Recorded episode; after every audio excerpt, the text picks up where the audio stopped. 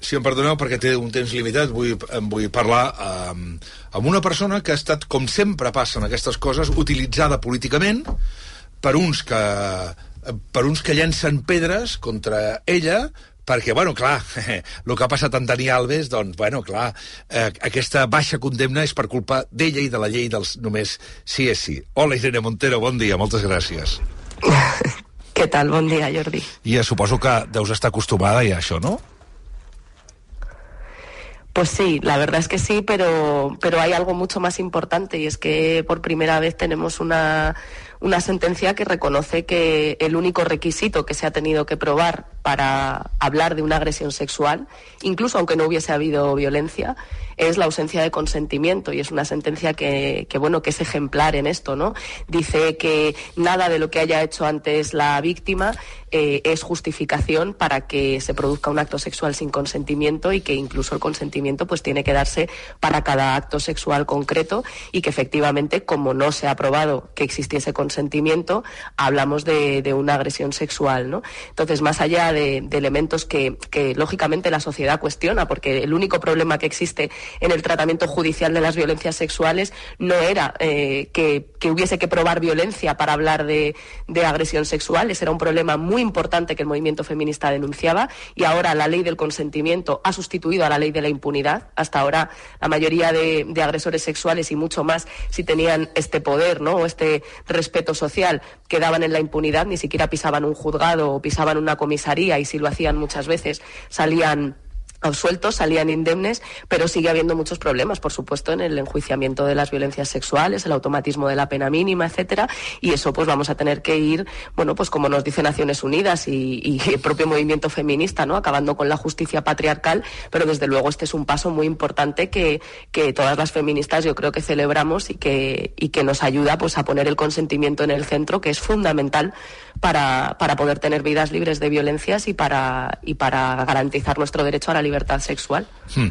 Què vas pensar quan vas sentir la condemna i la pena de presó de 4 anys i mig per Dani Alves? Pues que desgraciadamente es algo muy habitual. Yo sé que hay muchísima gente que no solo por este caso, sino en otros muchos, piensa que, que muchas veces no se valora judicialmente eh, la gravedad ¿no? adecuada de las violaciones o de las agresiones sexuales. Y lo cierto es que, que, en el sistema judicial hay un problema con esto. Se llama el automatismo de la pena mínima y, y básicamente implica que a las agresiones sexuales se les suele poner la, la pena mínima posible de la horquilla. ¿no?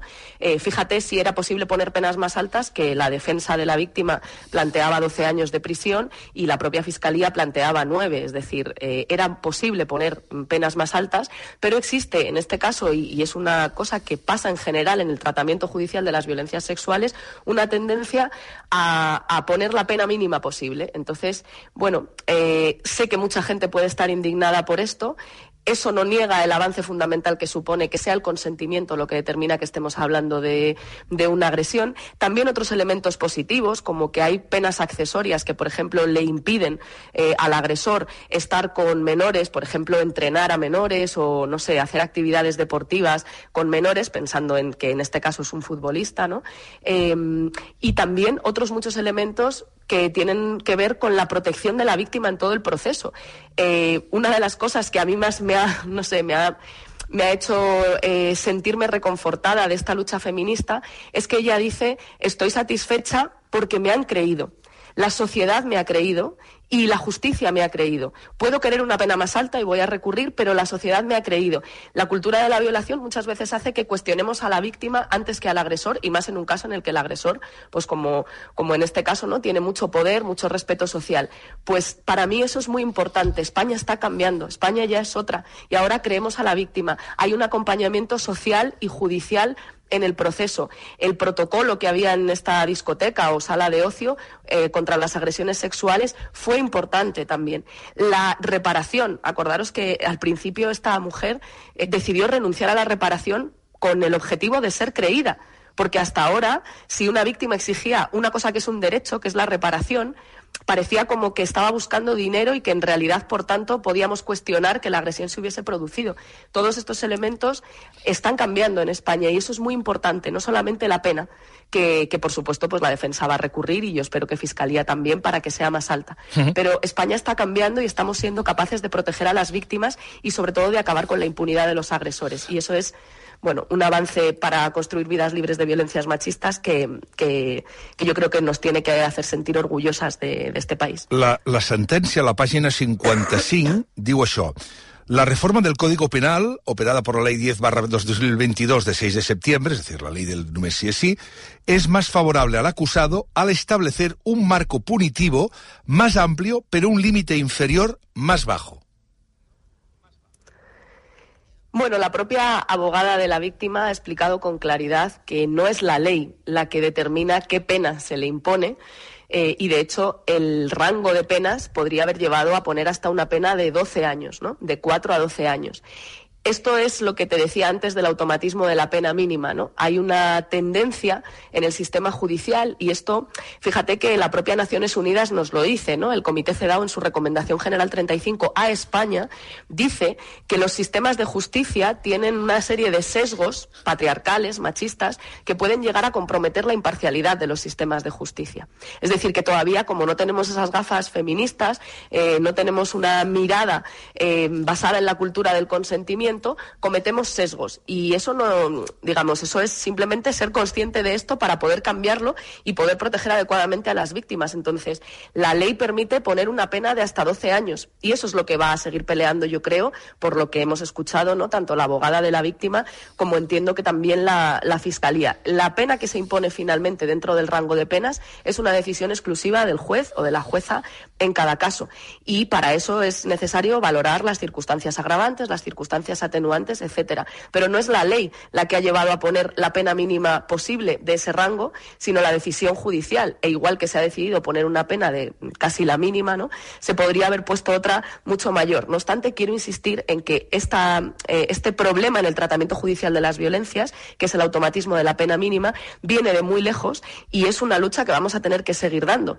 Pero a la vez estamos dando pasos muy importantes, como que se reconozca que es el consentimiento lo que determina que hay una agresión sexual y no la existencia de violencia o intimidación y que la mujer tenga que probar con marcas en su cuerpo que ha existido violencia o que a la víctima se la crea socialmente y judicialmente en todo el proceso, que se garantice el derecho a la reparación de las víctimas, cosa que pasa a partir de la ley solo si es sí, y que haya cada vez un mayor acompañamiento a esas mujeres que deciden denunciar y también, por cierto, a las que deciden no hacerlo, porque los protocolos como los que hay también en, pues eso, en las salas de ocio o en los trabajos, ¿no? y que solo cada vez van siendo más obligatorios y están más extendidos, lo que hacen es acompañar a las víctimas, decidan denunciar o no, que quiero recordar que 8 de cada 10 mujeres no denuncian las agresiones sexuales que sufren porque tienen miedo a no ser creídas o porque o por cualquier otro motivo que, que hay que respetar i aún así tienen derechos, aunque no pongan denuncia. Uh, la sentència diu que la forquilla era d'entre 4 i 8 anys, no fins a 12. Hi ha experts que asseguren que amb la reforma actual aprovada pel PSOE la forquilla hauria estat de 6 a 12. Això és veritat o no? Por el Partido Socialista y por el Partido Popular. Claro, con la vuelta al esquema penal anterior, eh, en este caso, como habría violencia, estaríamos hablando de una agresión sexual, pero lo que determinaría que fuese una agresión sexual es que se hubiese dado una situación de violencia o intimidación, es decir, habría que haber probado esas heridas o marcas en el cuerpo de la víctima. Y si no se hubiese probado, aunque se probase la falta de consentimiento, no estaríamos hablando de una agresión sexual, sino de un abuso. El gran cambio de paradigma que supone la ley solo sí es sí es que el consentimiento es lo único que debe definir la existencia de una agresión sexual y con la vuelta al esquema penal anterior, lo que define que hay o no una agresión sexual es la existencia de violencia o de intimidación, ¿no? que es el, el, esquema penal que teníamos antes. Entonces, el rango de penas viene determinado también por la definición de lo que es una agresión.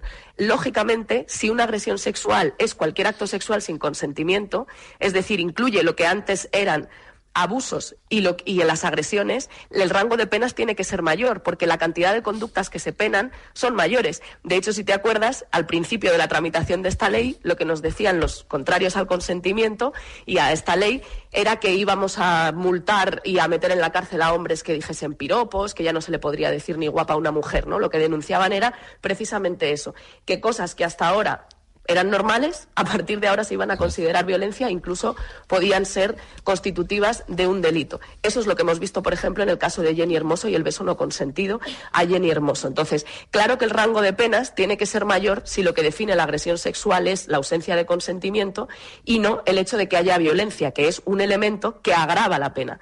Pero eh, que el rango sea mayor es porque hay más conductas que caben y el juez o la jueza no están obligados a poner la pena mínima, sino que precisamente valorando caso a caso la gravedad de cada caso pueden imponer penas más altas, porque nunca bajamos las penas máximas, sino solo hicimos el rango mayor por abajo. Es decir, que para una agresión con penetración, como en este caso, y con violencia, no se tendría que haber puesto eh, necesariamente, y de hecho muchos juristas y muchas juristas lo están expresando, ¿no? Joaquín Bosch, eh, Carla Val, mmm, la propia Victoria Rosell, no se tendría por qué haber impuesto la pena mínima. Y no obstante, también te digo algo, una reflexión que me parece muy importante, que hacía Nerea Barjola en en estos días, en el día de ayer, que es que esta, esta evolución de los hechos demuestra también algo que siempre han dicho las feministas, y es que no hacen falta penas altas para obtener justicia y para obtener reparación.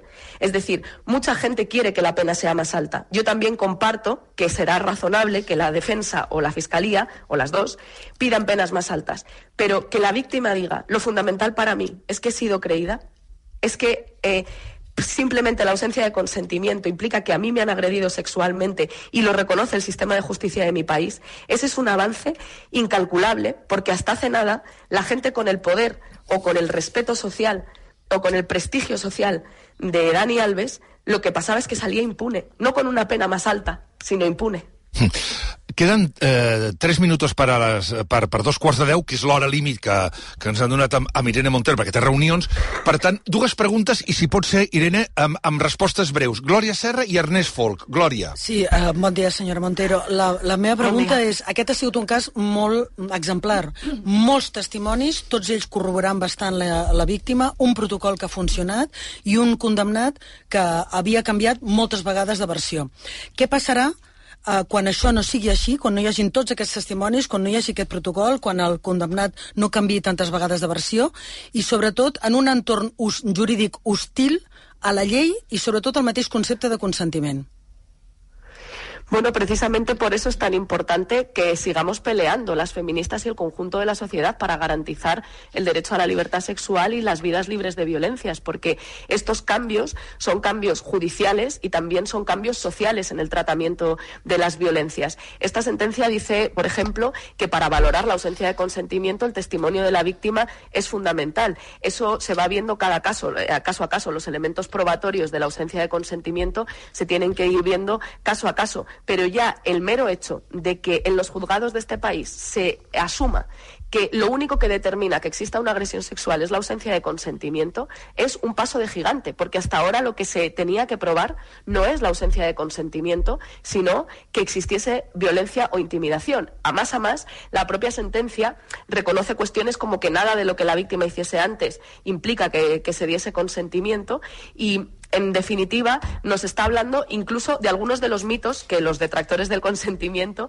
eh, decían para criticar esta ley, ¿no? Por ejemplo, que la carga de la prueba no se ha invertido. Es decir, que, que no estamos hablando de que estamos acabando con la presunción de inocencia de ningún hombre o de ningún agresor sexual, que el procedimiento judicial sigue respetando todas las normas fundamentales de los procedimientos penales para todos los acusados y que aquí de lo que estamos hablando es de, con los medios habituales, probar la ausencia de consentimiento. Es decir, que en eso está sentencia yo creo que sí establece algunas mm, bueno, pues líneas que nos pueden ayudar a que las cosas mejoren, aunque efectivamente siempre tenemos que estar alerta porque sigue existiendo machismo en la sociedad y en el sistema de justicia y por tanto pues hay que seguir eh, luchando hasta conseguir que esto que ha pasado esta vez pase siempre, incluso pase mejor, ¿no? Ernest Folk, per acabar. Sí. Irene, bon dia. Uh, Irene, jo, jo quan m'he despertat aquest matí he tingut la sensació que encara eres ministre. Veient les editorials de La Razón, El Mundo, uh, tota la, la premsa de la dreta i extrema dreta madrilenya, en sèrio, uh, m'he quedat perplex veient com els atacs al solo si, contra la llei del solo sí és sí eh, són exactament com quan eres ministre. La meva pregunta és molt senzilla, és a dir, per què passa això, creus? I fins quan passarà? És a dir, la casa contra Irene Montero, fins quan arriba? Yo creo que cuando consigamos construir vidas libres de violencias, eh, no me atacan a mí por ser yo, me atacan a mí y sobre todo cuestionan la ley solo si es sí y cuestionan el consentimiento porque la libertad sexual de las mujeres es un derecho clave para garantizar la libertad de las mujeres y para garantizar eh, la vida digna de todas las mujeres. Es un derecho fundamental para acabar con el machismo. Entonces, es, es, seguramente el avance no solamente en el Código Penal, sino el avance en materia de derechos eh, de, de, las víctimas y de las mujeres más importante que hemos hecho en la legislatura y en muchos más años. Tened en cuenta que la ley de violencia de género es del año 2004 y solo protegía a las mujeres víctimas de violencia en el ámbito de la pareja o la expareja. Y han tenido que pasar 10 años para que, perdón, 20 años para que podamos hablar de proteger a todas las víctimas de violencias machistas, incluidas las víctimas de trata y de explotación sexual. Los cambios son demasiado lentos y ellos han pensado, como nos han dicho claramente, nos lo ha dicho hasta el presidente del gobierno, que hemos ido demasiado lejos.